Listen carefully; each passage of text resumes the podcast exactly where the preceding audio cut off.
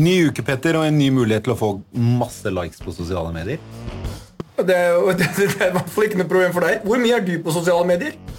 Nei, jeg er jo innom hver dag, men jeg prøver å bruke det minst mulig, faktisk. Har du Instagram-profil? Ja, Instagram-profil. Du har det?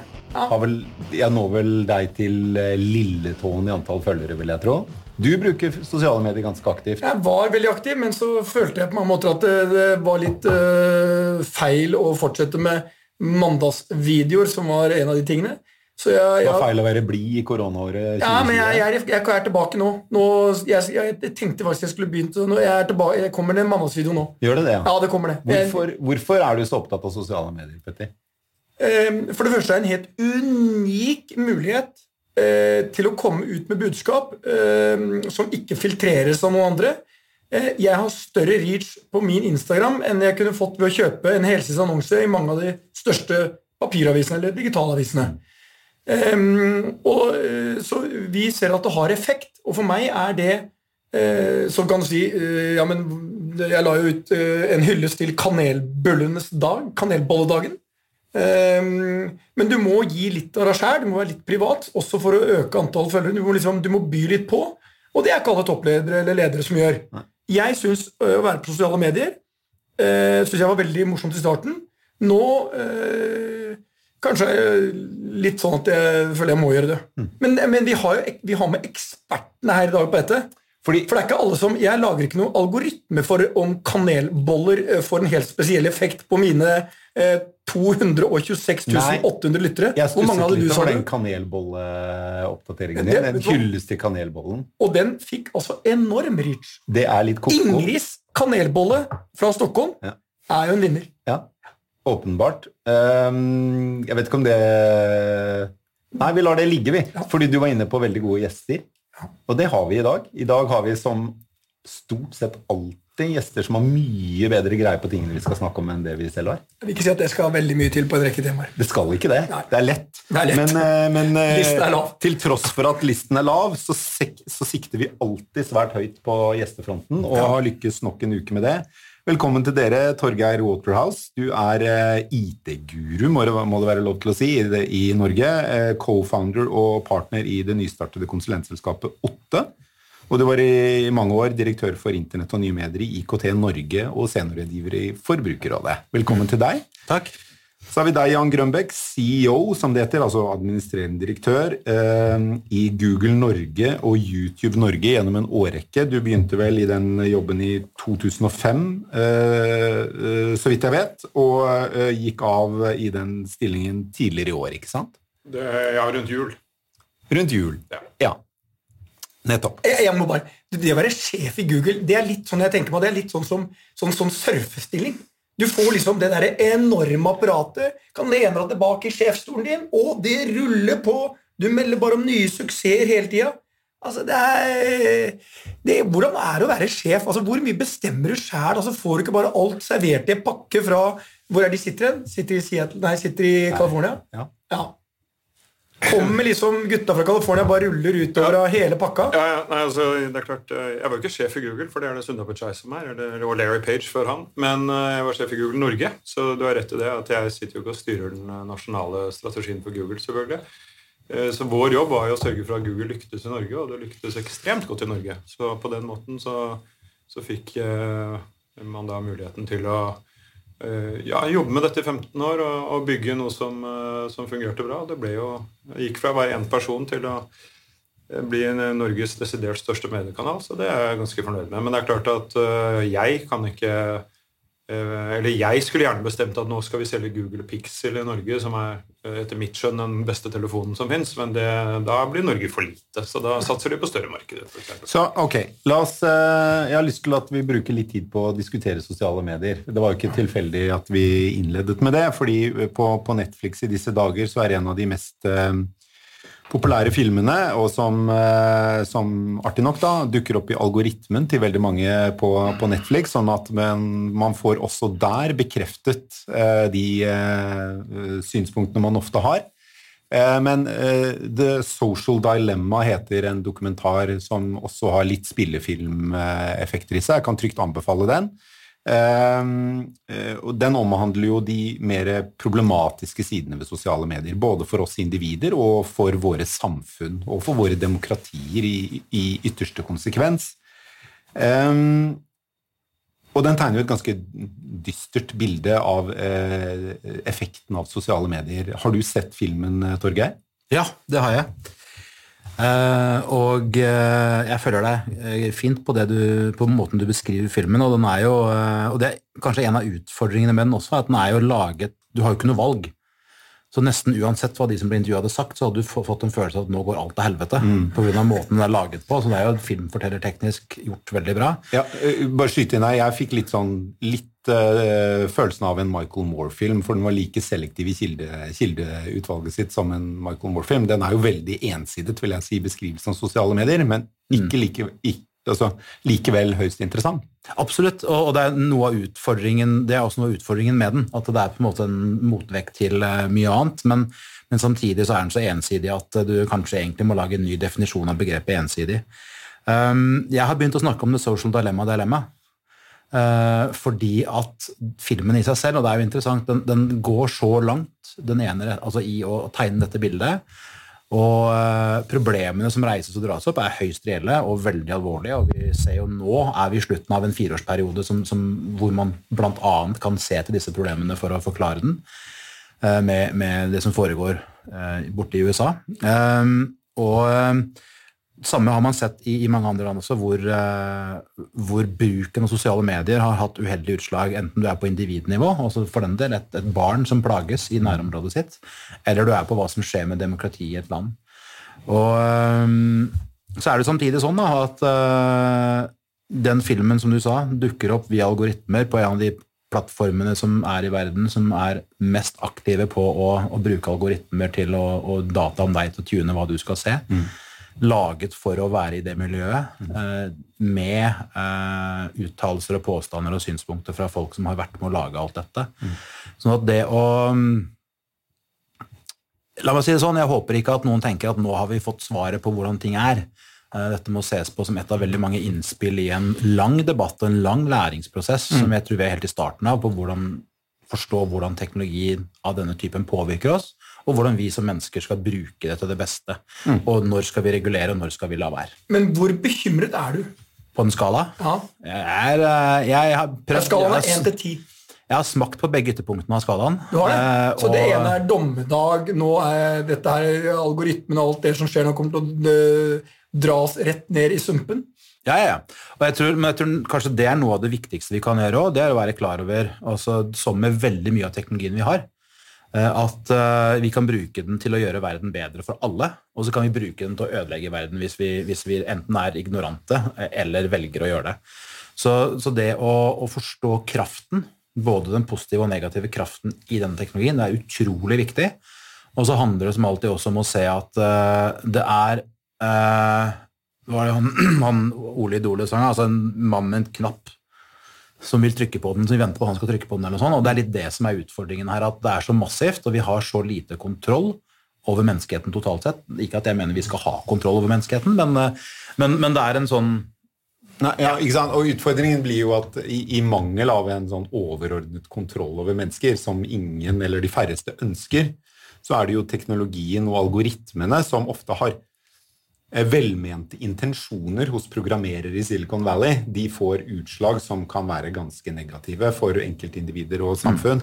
Et eksempel som brukes i den filmen som jeg syns er interessant, er jo hvordan hvis man søker på eh, 'klimakrisen er' på Google, så får du opp helt ulike svar avhengig av hvor du bor i verden. Eh, også avhengig av hvor du bor i, i enkelte land. Sånn som klimakrisen er Climate uh, change is a hoax. Uh, dukker f.eks. svært høyt opp i et Google-søk hvis du bor i områder der mange klimafornektere bor. Um, og, og, dette er jo en side av Google som um, er problematisk, vil du ikke si det, Jan?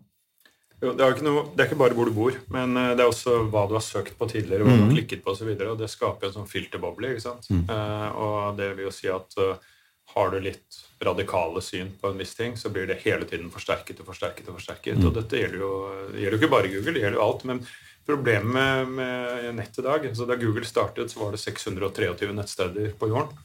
i 1994, da det startet som et forskningsprosjekt. Nå, det, nå indekserer de liksom, billioner av billioner av dokumenter hver dag. Og for at vi da, når vi søker, la oss gjøre gjør et ganske sånn generisk søk, da, eh, sånn nye olabukser, mm. Så, så, er det greit om det svaret tilpasses deg eller personaliseres til en viss grad ved at f.eks. butikkene i ditt nærområde dukker opp først. Eller at kanskje olabukser som du normalt ikke har vist interesse for, eh, ikke dukker opp i det hele tatt, mens at det kanskje bare er Levi's eller Wrangler eller et eller annet som dukker opp. Mm. Eh, for det må personaliseres, for det er for mye informasjon der ute. Men det er også en trussel. Eh, men når vitenskapen blir tilpassa, vil ikke det være et problem? Jo, det, det gjør det. Og det vil si at liksom, ignorante folk blir enda mer ignorante uh, mange ganger. Jeg har, no, jeg har masse venner, eller gamle college-venner fra USA. Jeg studerte i Ohio, og alle de gutta stemte på Trump. Uh, ikke fordi uh, nødvendigvis at de liker han, men fordi de også de mislikte alternativet så sterkt. Og fordi de også har opplevd nå å stå dønn stille økonomisk i 30 år og være den første generasjonen som ikke kan sende ungene på college. ikke sant? Eh, og når jeg da poster negative ting om Trump på sosiale medier, så lurer de på hvor i all verden jeg har funnet dette. For de har aldri sett noe negativt om Trump på sosiale medier. Mm. Mens jeg har aldri sett noe positivt om Trump på sosiale medier. Og dette er noe av utfordringen her. Filterboblen blir sterkere og sterkere. Mm. Og vi blir, blir, bare levende i vår, eh, vår, vår lille, lille, verden av den sannheten som vi selv eh, tror på. Mm. Og, det og, og, det er jo veldig vanskelig å se at det skal være noen vei ut av dette. Hvordan skal man uh, slutte Hvordan skal man få algoritmene til å slutte å bekrefte våre tidligere antakelser, eller, eller eh, har det noen, Er det mulig? Nei, altså, Dette er ting jeg har snakket med si, mine kolleger om, og eksperter om i årevis, egentlig. Og det, det er klart at uh, det eneste løsningen sannsynligvis på det er en eller annen form for regulering. Uh, samtidig så, så, vil det være veldig vanskelig å kunne regulere et søkeresultat, for da vil du umiddelbart bli dramatisk mye dårligere, og da vil egentlig hele tjenesten bare dø. Så det, det, er et, det, det, er det som er dilemmaet her, egentlig. Det er ikke bare et sosialt dilemma, det er et et, et teknologisk dilemma, egentlig. Ok, men eh, fordi det, det, som eh, Det er jo ikke så farlig om, om jeg fordi jeg har gått med Levis før, eh, får opp flest anbefalinger på å kjøpe Levis igjen. Det, det, lever vi. Eller det er ikke så farlig om jeg men sannsynligvis er det fordi, bra. Fordi mange assosierer ja. meg med Petter Stordalen, så dukker opp søk om søketreff på Petter Stordalen når de søker på meg. Det, det, er, liksom, det er ikke så farlig. Men, men hvis, hvis man har en, en, økende tendens, og det er det vel allerede, til at, til at eh, liksom alvorlige eh, påstander eller, eller konspirasjonsteorier ja, som blir mer og mer en sannhet fordi de dukker opp i søketreffene, og til slutt er det sånn at det er umulig å få noe annet. Det er jo et stort problem. Det er et kjempeproblem, og det er jo her vi er inne i uh, hva gjør dette med, med, verdens fremtid? Hva gjør dette med menneskerettighetene? Hva gjør dette med menneskers frihet osv.? Aspektet av det. Og, og, det handler jo om alt fra algoritmer og sosiale medier, men samtidig så, og så videre, men så handler det også om andre typer tjenester og institusjoner og markeder. Altså vi ser uh, nå har jo nylig, Jeg er litt usikker på om det var Mediebedriftenes Landsforbund direkte, eller det var folk som jobba der, som skrev en kronikk hvor de mente at uh, man måtte nettopp regulere algoritmen, sånn som Jan var inne på. At, at, at, Google og andre skulle ha en varslingsplikt til, til mediehusene. For vi skal endre algoritmen vår om x uker, så nå kan dere tilpasse dere osv. Det er jo helt virkelighetsfjernt. Eh, samtidig så ser vi at eh, i land som Norge så har vi en kunnskapsinfrastruktur. Eh, og Så kan du dra til Ungarn, og så har du ett online leksikon som heter Metapedia, og som er en høyreekstrem publikasjon som er laget bare for å vri verden den veien. Eh, så det handler også om hva som er rundt der. Vi ser også ref dette med å plukke opp ting og tro på ting og formidle ting. Jeg tror det er veldig farlig hvis vi bare fokuserer på sosiale medier. Vi må ha med tradisjonelle medier i det perspektivet. Det er ikke så altfor lenge siden eh, det var, ble sagt på en nyhetssending på TV Norge at eh, Antifa er en organisasjon. Selv om alle som jobber med det og forsker på det, og FBI sier at det ikke er en organisasjon. Mm. Så, så, du får en del sånne og, og, og, Det var det han, eh, Donald Trump gjentok vel det i uh, debatt, presidentdebatten også? Ja, han, ja, det var i forlengelse av det. og det var, ja. Poenget mitt var egentlig at det var en norsk journalist som sa det, og var veldig opptatt av at det var det. Så, fordi det visste vedkommende. Uh, og, og, dette er noe av det som er litt skummelt, fordi vi har, en, vi har fått opp bevisstheten vår på hvem er det som deler hva, og hvilken intensjon har de med å dele. Ehm, men på sosiale medier. Men er vi like bevisste i et land hvor vi har høy tillit til mediene som vi har, på hva som kommer gjennom mediene, f.eks.? Mm. Og, og hvis du bare ser på antall saker i vanlige medier som er produsert som en konsekvens av at en eller annen et eller annet sted i verden tweeta et eller annet. Og, og ref da det vi snakker om nå, social dilemma, hvis du da følger opp med å se Agents of Chaos, som akkurat har kommet på HBO, så går det enda lenger ned i materien bak og ser hvordan eh, trollfabrikkene eh, osv. i Russland har jobba med dette for nettopp å produsere den type kildemateriale som vanlige medier skal basere seg på. I, i, i gode, gamle dager, i gåseøyne, definitivt i gåseøyne, så var det jo sånn at det var myndighetene og media som i stor grad definerte hva som var sant og ikke, eh, og hva som skjedde og ikke. Eh, det ga ikke nødvendigvis eh, heldige utslag i enhver sammenheng, det. Men, men, det, men, det, var i hvert fall uh, utslag som, som var noenlunde kontrollerte, og stort sett velvilje. I hvert fall i demokratier så var det det. Mens i dag så har man jo ingen kontroll på grad av velvilje i hvem som påvirker den informasjonen som også mennesker i demokratier utsettes for. Og dermed så så undergraver du både medier og myndigheter som forsøker å holde seg til en slags ansvarlig versjon av eh, hva som er sant og ikke, eh, og den blir gradvis mer og mer pulverisert.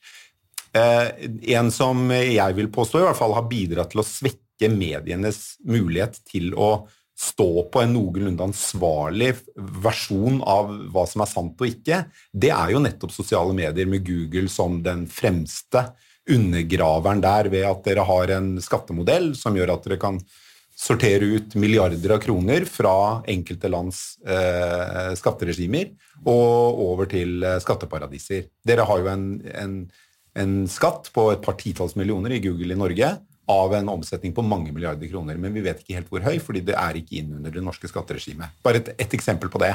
Har du kjent på den følelsen av at du som Google Norge-sjef er med på å ikke bare gjennom kraften i algoritmene, men også gjennom kraften i skattetilpasning, har vært med på å ha et dobbelt angrep mot liksom, en eller annen form for ansvarlig eh, versjon av hva som er riktig og galt.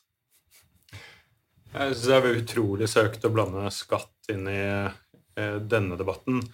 Hvorfor det? Eh, Hvorfor er det søkt? Nei, for det har, det har ingenting med problemet her å gjøre. Nå snakker vi jo om noe mye, mye mer alvorlig. Det at kan du si vi muligens risikerer eh, altså borgerkrig i USA etter valget. Og skjer det, så er det utelukkende pga. at eh, man klarer å oppildne eh, radikale mennesker på begge sider ved hjelp av uh, denne typen problematikk. Og det er klart at altså Google er en av de største skattebetalerne i USA, der de hører hjemme. Eh, akkurat som eh, norske selskaper eh, skatter i Norge. Det var, For noen år siden så sa sjefen i NHO at jeg syns vi skal la den debatten her ligge litt. For vi må huske at hvis bitte lille Google i Norge begynner å betale bitte lite grann skatt i Norge, så må også alle de store konglomeratene som vi styrer, som Equinor og andre, begynne å skatte der de holder på. Mm. Og det får en ekstremt negativ konsekvens for Norge, og ikke minst oljefondet. Mm. Så dette er jo, det er jo ingen men, som uh, Når da altså, Jeg forstår at du er uenig i det, men, men uh, jeg forstår ikke helt at du syns det er søkt. fordi dette er jo et argument som stort sett alle norske redaktører har hevdet i en årrekke. Uh, og man kan jo, du kan jo være uenig med dem, men er de helt på jordet? Nei, men Å blande det inn i, det, inn i debatten Nei, fordi de, Redaktører hevder jo at Google Norge er en av de som virkelig undergraver inntektsmodellen til norske medier, og dermed gjør det vanskeligere for dem å eh, finne måter å overleve på og tilby mm. sine brukere eh, en god og mest mulig sannferdig dekning av mm. nyhetsbildet. Mm. Og det er jo eh, alle som eh, sitter med det økonomiske ansvaret i store norske mediehus, vet at det bare er bullshit. Så det er ingen som bidrar mer med penger direkte til A-media, eh, og for så vidt også Skipsted, av andre aktører enn Google. Og det, så det, det er bare Så når redaktører hevder det, så er det bullshit? Det er i aller høyeste grad. Okay. Du, har du barn? Jeg har barn. Er dine barn på sosiale medier? Det antar jeg. Det antar du? Du vet ikke? Altså, de er voksne, så, men uh, sannsynligvis uh, altså, De har jo kontoer, hvis det er det du mener, men jeg vet ikke om de er der akkurat nå. Er du komfortabel med at de er på sosiale medier? At mine voksne barn er på sosiale ja. medier? Uh, ja. ville, ville, du vært det? Hva, hvis barna dine var i tidlig tenårene, ville du vært komfortabel med det da? De var jo det da de var i tidlig tenår. Så ja. det, ja, det var jo selvfølgelig en helt annen verden enn det er i dag. Men, men bare for å snu det, jeg, skal, jeg, vil gjerne slippe skatt, men siden vi er innom temaet, eh, til Torgeir Jeg gjelder jo ikke bare Google. Det er Amazon og Alphabet og Facebook og Apple og hele gjengen er jo i samme greiene. Og selv om da, eh, og det har vært Google-sjef, så vil jeg argumentere hardt for at dette var bullshit. Men resten av Europa og regjeringene mener definitivt ikke det er bullshit å innføre forskjellige typer skatt. Nei, fordi det er mange oppegående mennesker som ikke syns det er bullshit. Hva, hva, hva, det jeg sa bullshit til, var jo noe helt annet. Det var spørsmålet om det undergraver norske medier. Men Google bidrar ja, men med penger til norske noen medier. Noen kan mene det fordi at Schibsted betaler skatt, og du betaler ikke skatt. og liksom, det, det, det er, Jeg ser det er et poeng. Ja, Men Google betaler masse skatt, de òg. Men Google betaler ikke masse skatt, det er bare tull. Men, altså, de, de, altså, ja, av ting som okay, men, det er jo, men, men, det er i hvert fall, okay, men det er i hvert fall sånn at både konsernsjefen og styrelederen i Skipsted i Norge er kritiske til Google skatt fordi de mener det undergraver den norske mediemodellen. Og det Så, er fullt ut forståelig. Vi går videre i debatten. Ja. Uh, Torgeir, er du bekymret over disse altså, vi, det, det, altså, bare for, det er så gigantisk størrelse på de at det er utenfor fatteevne.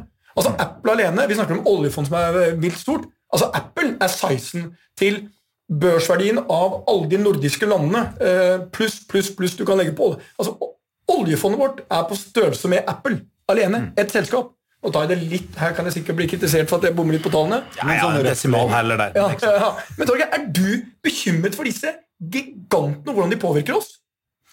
Uh, ja, det er jeg. Jeg er bekymra for konsekvensene av at vi har selskaper, altså uavhengig av hvem de er, som er så store at de har den maktfaktoren de har i verden. Og eh, Det handler jo om at du, Hvis du ser bakover i historien, så har vi brukt vanvittig mange år og generasjoner på å bygge maktstrukturer og systemer og styringssystemer og sikkerhetsventiler og hva det måtte være, for å klare å få menneskeheten til å fungere relativt greit sammen. Hvis du bare ser på EU for eksempel, som konstruksjon etter andre verdenskrig, eh, se på Nato som konstruksjon, og så fikk du en motpol, Warszawapakten, og så gikk ikke det så bra en periode, men, men likevel. Eh, og så er det klart at alle systemene våre, alle styringssystemene våre, alle demokratisystemene våre er jo basert på nasjoner. Og så er vi nå i en situasjon hvor du har noen selskaper og du har nettet hvor, som ligger utenpå det.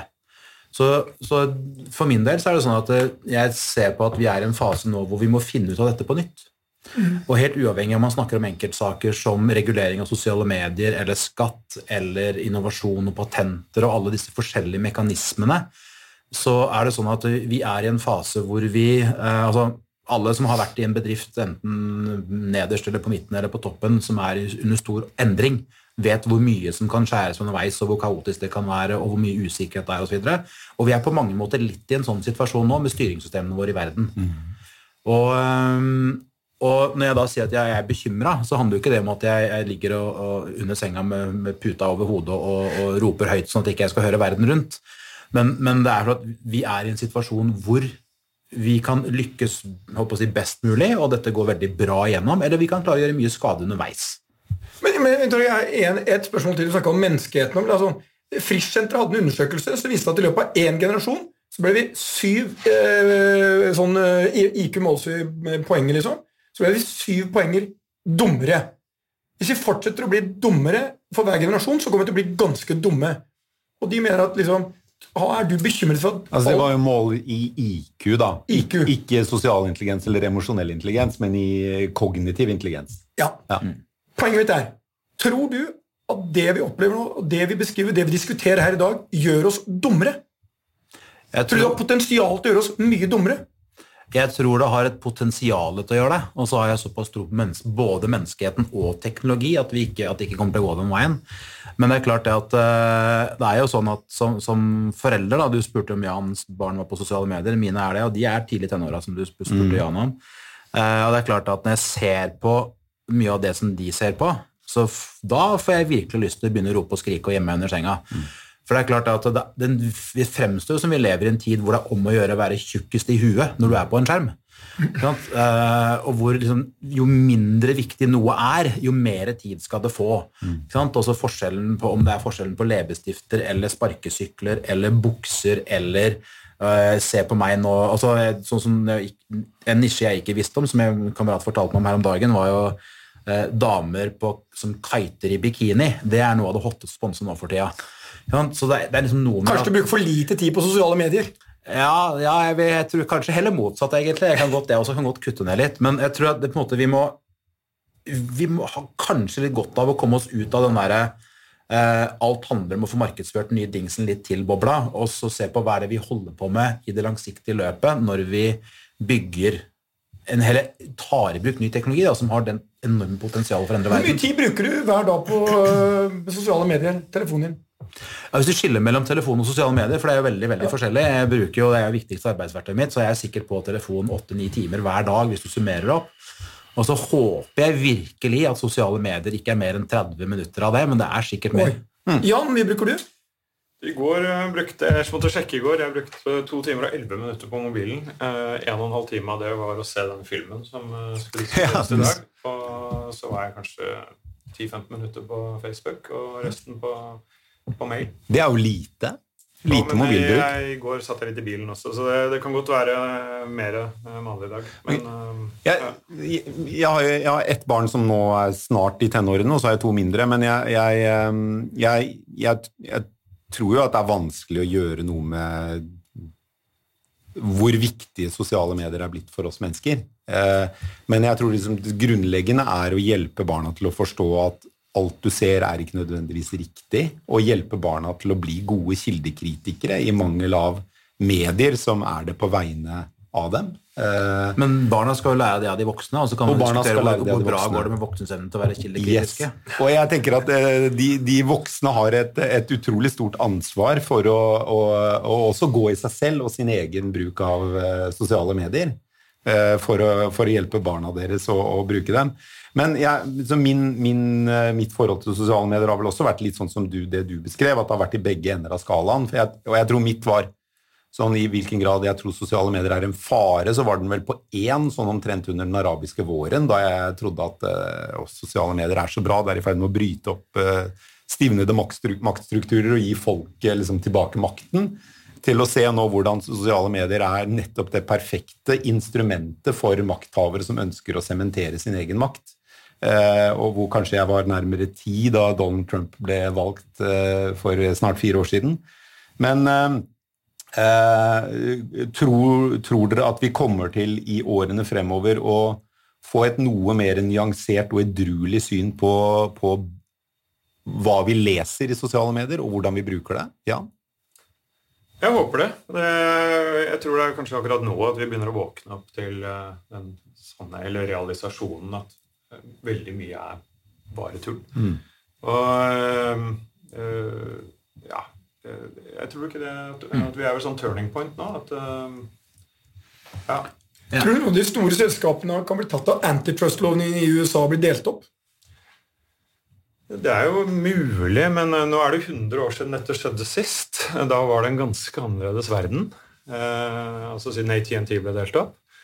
Og eh, jeg tror det er vanskelig å altså, dele noe som Ta, ta Facebook, da, for eksempel. Eller altså hvordan i all verden skulle man, skulle man delt opp det? Altså, det ville hatt så utrolig stor innvirkning i vår, vårt daglige virke og måten vi kommuniserer med mennesker på, at eh, jeg tror det hadde vært, eh, vært veldig vanskelig. Vi, vi, vi nærmer oss til slutten her, men skyte inn Ja, kjør på, ting, særlig siden du sier nærmest slutten, for det Ja. kan jo være slutten, faktisk, dette her. Uh, worst case. Um, jeg tror at hvis sosiale medier, sånn som vi snakker om det nå, og de problemstillingene rundt, eh, rundt størrelse og maktkonsentrasjon da, på noen få, Mm. hadde vært noe som bare eksisterte inne i USA, så tror jeg de hadde blitt delt opp på en eller annen måte. Men gitt at markedet er så internasjonalt, så tror jeg at, eh, at politikerne i USA vil kvie seg for å splitte opp, fordi at det vil svekke dem i konkurransen med tjenester fra andre land. Mm. Primært Kina akkurat nå, men det kan også fort bli annerledes. Så EU gjør masse grep for å forsøksvis få selskaper i posisjon til å kunne bygge seg opp på samme måten, selv om EU elsker å være fragmentert og late som noe annet. Så, sånn at jeg tror ikke det, men jeg tror på mange måter at uh, grunnlaget for å gjøre det, eller kriteriene som skal trigge en sånn prosess, er jo der. Men jeg tror ikke det kommer til å skje. I, eh, hvis, eh, hvis man i gamle dager var redaktør av en avis og man hadde disse leserbrevspaltene sine, så var det jo et visst kriterium for å komme på trykk med, med, med en mening. Altså man kunne ikke, man kunne ikke være sjikanerende, man måtte liksom ta hensyn, man måtte definitivt ikke være diskriminerende, og det skulle være helst sant, det man skrev. Og så har man jo i en digital verden eh, synes det som om eh, de som i dag er de primære leverandørene av lesebrevaktige tjenester, nemlig Facebook, Instagram, LinkedIn osv., de er jo fritatt for det ansvaret, fordi det er teknologien. Det er teknologien og det er algoritmene som bestemmer dette. Men er det umulig å se for seg at eh, Google, Facebook og andre eh, leverandører av sosiale medier kan bli tvunget til å ikke indeksere f.eks. Eh, antimuslimsk innhold eller antihomofilt eller jorden er flat-innhold? Er det helt umulig å se for for det, seg? det gjør de allerede. Eh, altså, eh, hatinnhold eh, blir fjernet fra Google. Eh, det andre er også, også du, snakker, du snakker om Google og Facebook her. Facebook er et sosialt medie. Google er ikke. Ja, Ikke ok, Det er- er viktig men Google er jo YouTube, som er et Jo, sosialt medie. Det er en form for sosialt Ja, medie. ja. Det er enig. Så det er klart at blir det lagt ut en Og det gjør du hele tiden. Daglig blir det lagt ut tusenvis av filmer på, på YouTube med eh, hatinnhold. De blir fjernet uh, i jeg vil si 99,9% av tilfellene maskinelt og på en korrekt måte. Og så hender det at noe slipper igjennom fordi det ikke trigger en eller annen algoritme som skjønner at oh, her er det noe skummelt. Så plutselig er det en, en video fra Reset eller enda verre ikke sant, som slipper igjennom, og så, og så blir det klager om det, i, eh, det er fra andre. Og det skal det jo være. Så da blir det fanget opp av publikum, og så blir det fjernet hvis det skal fjernes. Så, eh, og det samme er jo hvis det, eh, i eh, søkemotoren. Hvis det kommer opp et søkeresultat som linker til en kilde som åpenbart er fake news, så er det kommet inn nå en sånn liten, uh, liten uh, halv setning som sier Vær på vakt for dette innholdet. Det er, sånn, det er muligens falskt. Det er jo kjempeviktig, og det blir også da eh, indeksert lavere, sånn at det gjerne ender opp på side to eller tre eller fire, og da er det ingen som finner det uansett. Så, Vi er i ferd med å gå mot slutten. Vi har et spørsmål som egentlig går til begge. Og du var innom det, Jan. Du sa vi kan komme i en situasjon hvor vi får borgerkrig i USA. Eh, ekstremt dramatisk. Hva tror du vi har i vente nå eh, de neste ukene? Altså, det Jeg er seriøst eh, Altså, mitt, spørsmål går i retning av Ja. Tror du at den polariseringen vi ser i USA nå, kan være med på å destabilisere demokratiet? I USA så, så er jeg redd det kan gjøre det. Og, at, øh, og, og, og det er jo ikke bare jeg som mener det. Det, det er en, en annen podkast som heter It Could Happen Here, som har vært på lufta allerede et par år, og hvor, hvor dette har vært diskutert med noen av de fremste akademikerne i USA, som har dette kjempehøyt på agendaen og hatt det lenge. Eh, Så polariseringen blir større og større, og, og ikke sant, når Trump eh, nærmest eh, ber eh, eh, rasist- og hatgrupper eh, stand by in case they're needed, liksom. Altså, det er ganske, ganske skremmende, og det, det, mange av disse tar dette ganske bokstavelig, for å si det sånn. Så, så det er klart, eh, hvis han taper valget, noe jeg selvfølgelig håper han gjør, så, så er jeg ganske skeptisk til hva som faktisk kan skje. Ja, og jeg tror, eh, jeg, tror, jeg tror det kommer til å forsterke mange forskjellige prosesser samtidig. For jeg, jeg, følger det Jan sier helt, og jeg er jo ordentlig bekymra. og ordentlig bekymra på, på vegne av de menneskene som bor i USA, men også bekymra på vegne av mennesker i resten av verden, fordi at dette henger jo sammen. Det har jo en påvirkning. Vi ser jo bare, Hvis man ser tilbake på hvordan ting var før han ble valgt, og hva vi ville reagert på, hvor kraftig vi ville reagert på hvis politikere sa sånne ting som han gjør, for sånn som han gjør. Og hvordan vi på en måte må bare tenke ok, sånn er det jo blitt. Så det har tatt fire år, da. Så har vi begynt, begynt å bli vant til sånn type aktivitet og oppførsel og tilnærming til mye.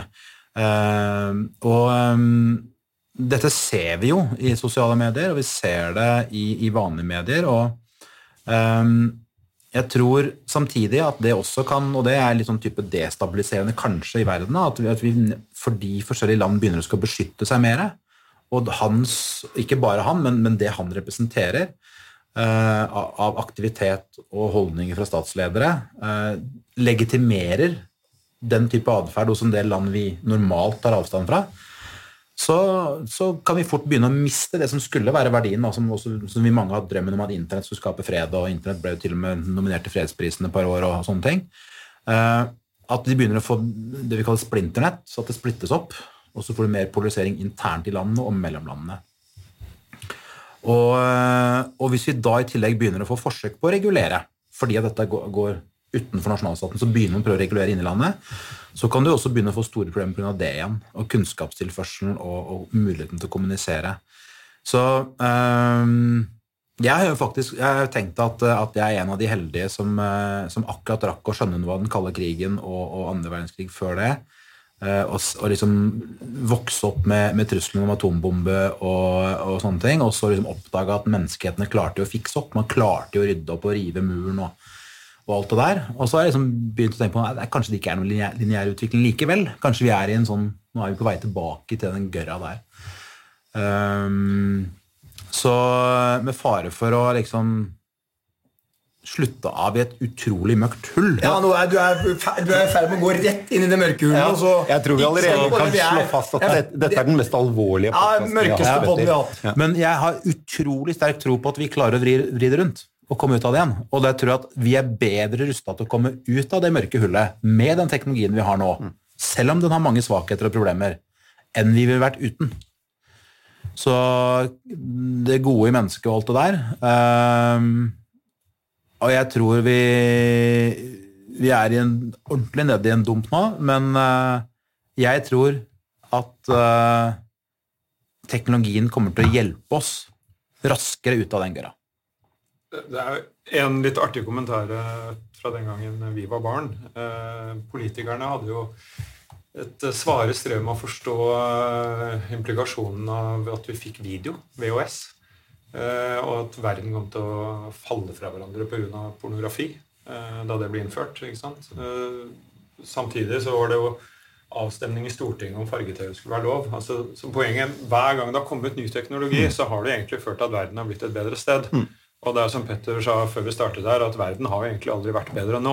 ikke sant? Ikke Og, og, den verden du beskriver der, det var jo en verden der det, det vel ikke var en eneste ikke-hvit eh, person i dette landet. Det var et ekstremt eh, en, ensartet mm. samfunn hvor eh, vi hadde én TV-kanal, homofili var forbudt. Eh, og det er veldig mye ved det samfunnet som vi ikke ønsker oss tilbake til. Absolutt. Eh, så Altså, ja. Jeg eh, prøver å avslutte på en litt sånn positiv eh, ja, men Før du tar en veldig positiv, skal jeg ta en litt eller jeg vet ikke om det er positiv. Altså, flere sentrale ledere av sånne sosiale medieselskaper i Silicon Valley de ble jo spurt om hva barna deres gjorde, siden vi kom innom det. Om de var på sosiale medier og den type ting. Og de svarte. Det er jo helt uaktuelt. Ja. Og med den superpositive avslutningen fra meg, så kan du oppsummere og prøve å dra dette litt opp av gjørma. Men det er viktig at de barna må gå på skole og lære noe, og det er en vel så viktig diskusjon. Hva er det de skal lære nå og fremover for at det skal gå bra? Jeg er helt enig, og jeg, jeg, jeg tror at det sånn, eh, Selvfølgelig har sosiale medier mange slagsider, fordi det er et så kraftfullt eh, verktøy, og som har så mye positivt i seg, at det kan brukes eh, positivt og negativt. Det kan ha positive og negative utslag.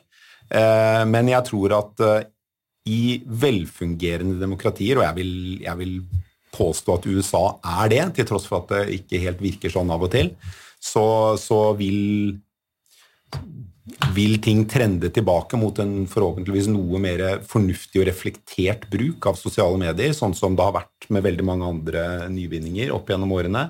Og jeg tenker det grunnleggende er at vi gir ungene våre en god utdannelse, og at vi foreldre tar litt ansvar for å hjelpe dem til å skjønne at ikke alt er så bra. Og i all denne, denne fantastiske oppsummeringen fra den, den tidligere redaktøren, så vil jeg komme med én ting, med fare for også her å bli korrigert av våre kjære lyttere. Eh, når det gjelder størrelse på selskaper, så var det på Før 1970 så var det et gigantselskap i USA som het United Fruit. Og eh, de var så dominerende at når de hadde svære plantasjer på mindre øystater, som etter hvert Derav navnet bananrepublikker. De hadde så stor påvirkning, altså en, en bananvariant av, av Google og øh, Amazon og Facebook og det der sånn. Og jeg mener at den gikk nesten til grunne på 70-tallet på en eller annen utvikling og ble delt opp og forandra. Så det er håp at selv de store gigantene plutselig da blir utfordret. Det kommer nye aktører og annerledes ting inn. Så øh, jeg tror det er håp. Og da er det viktig å si da, at det er jo ikke første gang nå at selskaper er involvert i hvordan verden utvikles, for de selskapene der var jo også ikke alltid helt disconnecta fra diktatorer i de Eh, landene. Overhodet Nei, de var, ikke. Det de var jo helt avhengig av dem. for å var- lykkes. Um, ok, så, så verden er kanskje ikke, går kanskje ikke fremover i en rett linje, men, men på sitt snirklete og rare vis så uh, fanger jeg opp at grunnholdningen i rommet er at den går fremover. Vi kan sitere Hans Rosling. Verden har aldri vært bedre enn akkurat nå. Eh, Så får vi bare håpe at eh, alle disse tingene vi har diskutert i dag, også går i den retningen. Vi eh, ønsker innspill fra lytterne våre, Petter, Ja. på hvem vi bør ha i studio, hvilke tema vi skal snakke om, eller synspunkter på det vi har snakket om i dag. Ja. Det må dere selvfølgelig svært gjerne gjøre, og vi bruker jo, ironisk nok, sosiale medier til å være vår kommunikasjonskanal. Vi er både på Facebook, Instagram og LinkedIn, og det er kanskje særlig LinkedIn vi eh, ønsker å bruke som vår primære kanal mellom dere lyttere og oss eh, for å komme med, med, med synspunkter og innspill. Så gjør gjerne det. Eh, tusen takk skal dere ha for at dere kom i studio, Torgeir Waterhouse og Jan Grønbekk. Og så snakkes vi igjen neste uke, Petter. Det gjør vi.